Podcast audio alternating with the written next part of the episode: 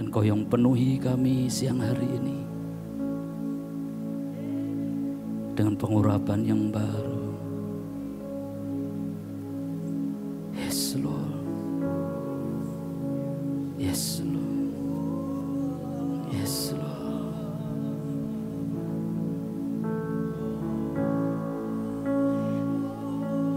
Buka hatimu saudara. Buka hati kita. Yes Lord, yes Lord, yes Lord.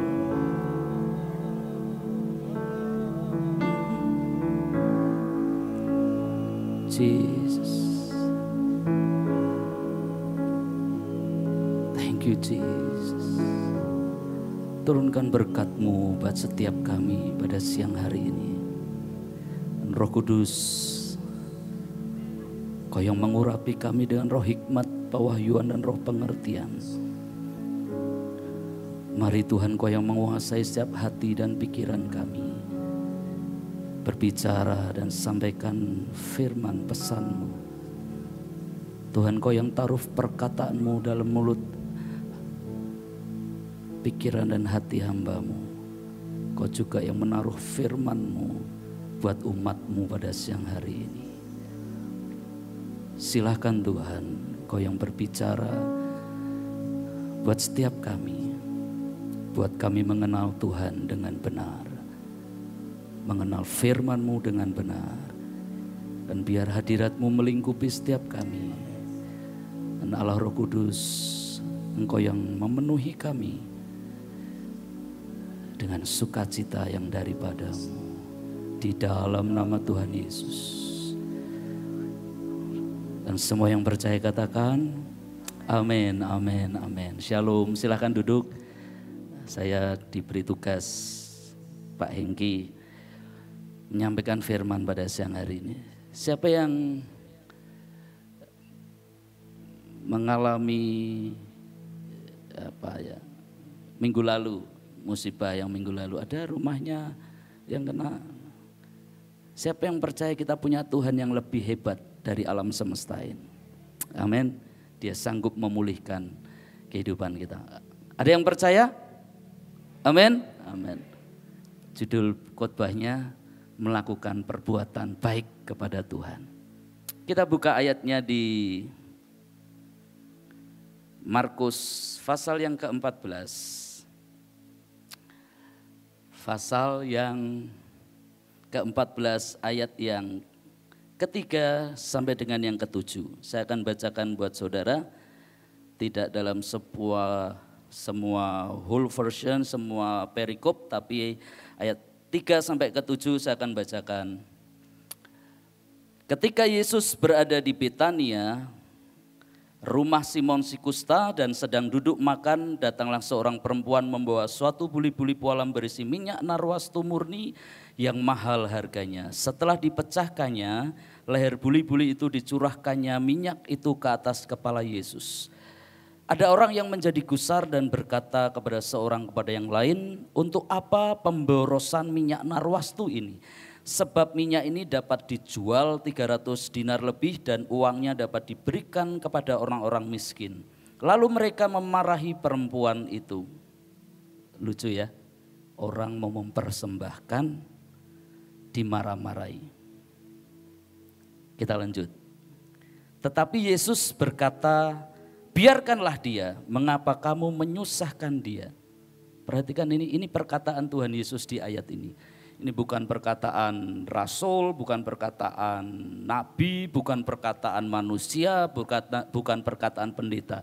Ini Yesus yang ngomong. Perhatikan ayat ini baik-baik. Ini judul khotbahnya. Ia telah melakukan suatu perbuatan yang baik padaku.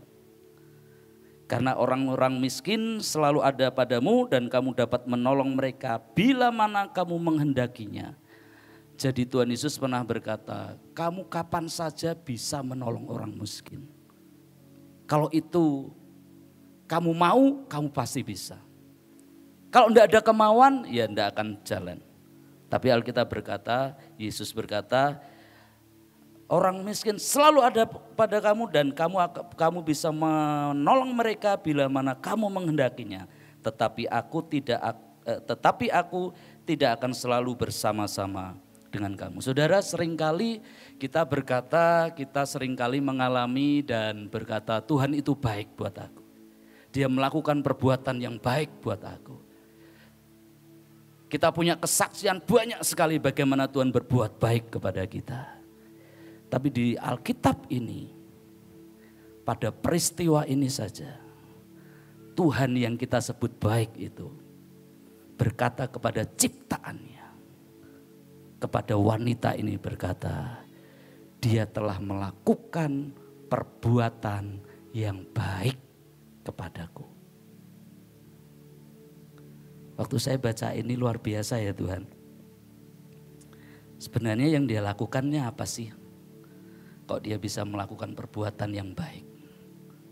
Dia hanya datang mengurapi Yesus dan bahkan apa yang dia lakukan pun dicemooh oleh murid-murid Yesus, bahkan dimarahi.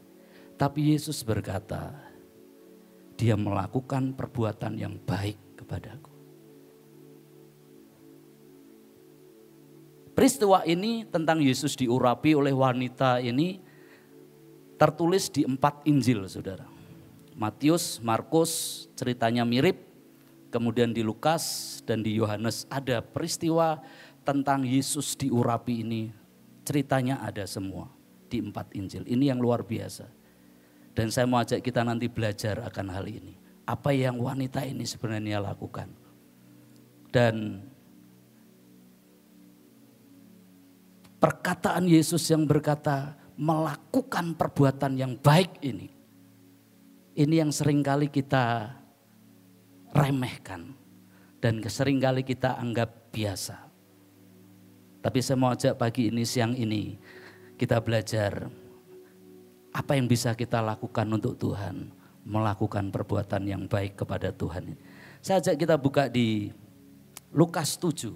Cerita yang mirip sama, tapi ada sedikit perbedaan, tapi ini ceritanya luar biasa sekali. Ada kemiripan. Kita akan buka di Lukas 7 ayat 37.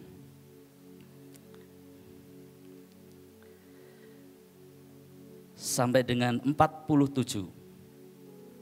Saya akan bacakan buat saudara. Ayat 36 mulai dari Lukas 7. Yesus diurapi oleh perempuan berdosa. Seorang Farisi mengundang Yesus untuk datang makan di rumahnya. Yesus datang ke rumah orang Farisi itu lalu duduk makan. Di kota itu ada seorang perempuan yang terkenal sebagai seorang berdosa. Ketika perempuan itu mendengar bahwa Yesus sedang makan di rumah orang Farisi itu, datanglah ia membawa sebuah puli-puli, uh, sebuah buli-buli pualam berisi minyak wangi Sambil menangis ia pergi berdiri di belakang Yesus dekat kakinya lalu membasahi kakinya itu dengan air matanya dan menyekanya dengan rambutnya. Kemudian ia mencium kakinya dan meminyakinya dengan minyak wangi itu.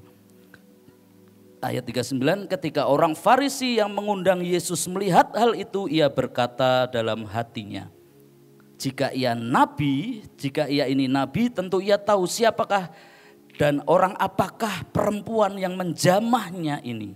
Tentu ia tahu bahwa perempuan itu adalah seorang berdosa. Perhatikan ayat 40 bagaimana reaksi Yesus. Lalu Yesus berkata kepadanya, Simon ada yang hendak kukatakan kepadamu. Saud Simon, katakanlah guru, ada dua orang yang berhutang kepada seorang pelepas uang, yang seorang berhutang 500 dinar, yang lain 50. Karena mereka tidak sanggup membayar, maka ia menghapuskan hutang kedua orang itu.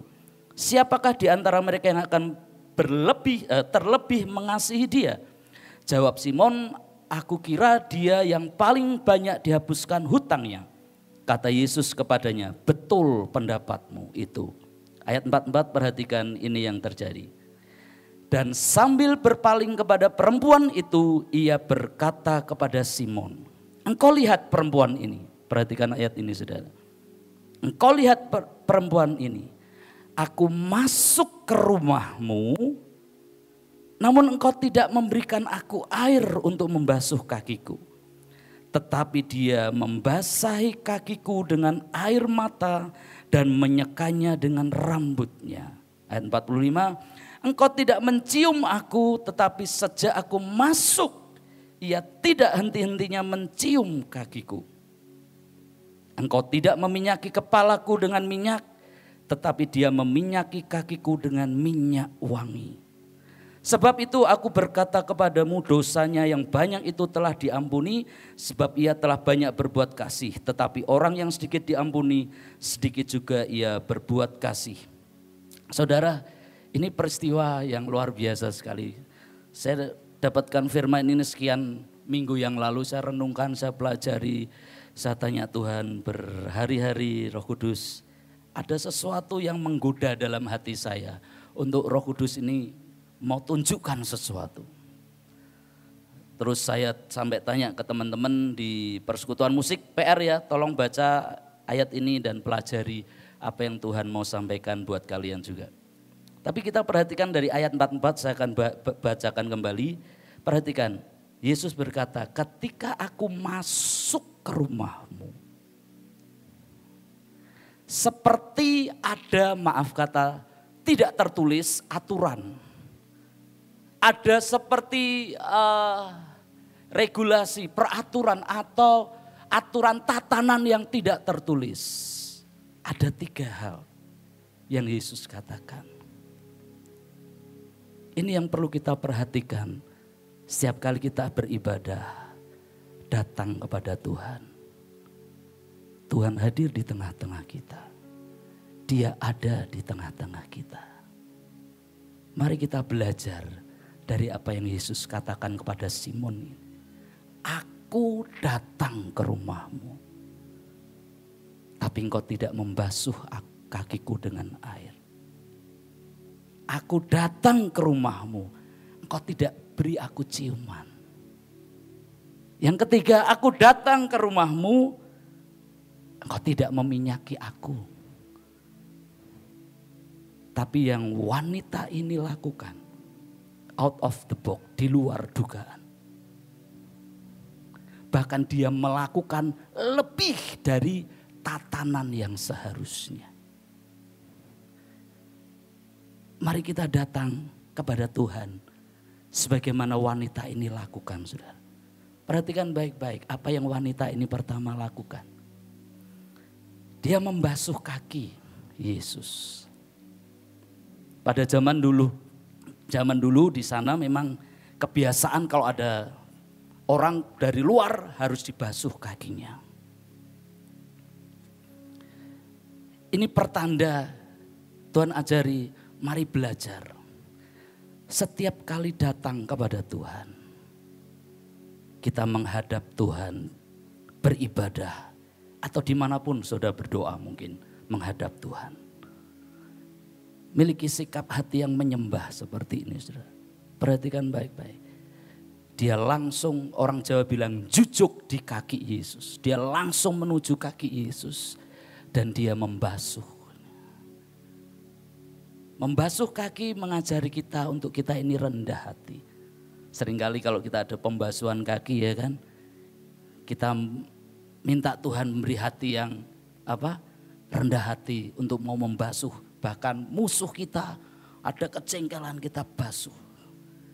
Belajar dididik oleh Tuhan. Bahkan di Yohanes juga diceritakan bagaimana Yesus mengajari murid-muridnya untuk menjadi hamba terhadap yang lain. Membasuh kaki. Wanita ini datang dengan kerendahan hati. Dia tahu orang dia orang berdosa. Dia tahu siapa dirinya. Dia datang kepada raja, kepada orang yang hebat luar biasa. Dia datang dengan kerendahan hati. Setiap kali kita datang menghadap Tuhan, mari datang dan miliki kerendahan hati, merendah di hadapan Tuhan. Ini seperti kita mau bicara, kita mau sampaikan kepada Tuhan. Bahwa kita ini butuh Tuhan Orang yang merendah di hadapan Tuhan. Tuhan, I need you Lord, aku butuh engkau. Sense of urgency, suatu keterdesakan dari seorang wanita ini. Dia datang dan dia membasuh kakinya. Bukan dengan air biasa, tapi dengan air matanya. Ada kehancuran, ada kerendahan hati, ada ke apa ya? Kerendahan dia merendahkan sedemikian rupa dan dia datang kepada Yesus. Dan di titik itu Yesus masih diam. Membasuh kaki juga bisa bicara tentang apa? Kita ini perlu butuh Tuhan. Kita harus datang kepada Tuhan dengan haus dan lapar. Tidak ada yang lain yang kita butuhkan. Wanita ini tahu ini manusia yang beda. Ini orang yang beda sekali. Aku butuh dia. Aku butuh Yesus. Setiap kali kita datang kepada Tuhan, miliki hati yang mengingini Yesus seperti ini. Dan yang ajaib saudara, adalah waktu dia membasuh, uh, mengelap kaki Yesus dengan rambutnya. Zaman dulu wanita di daerah sana, rambut itu harus panjang. Dan rambut berbicara tentang dignity, martabat. Tentang kemuliaan seseorang dalam hidupnya. Rambut bicara tentang strata, tentang kamu ini siapa. Wanita kalau sudah tidak punya rambut, itu dipermalukan sedemikian rupa.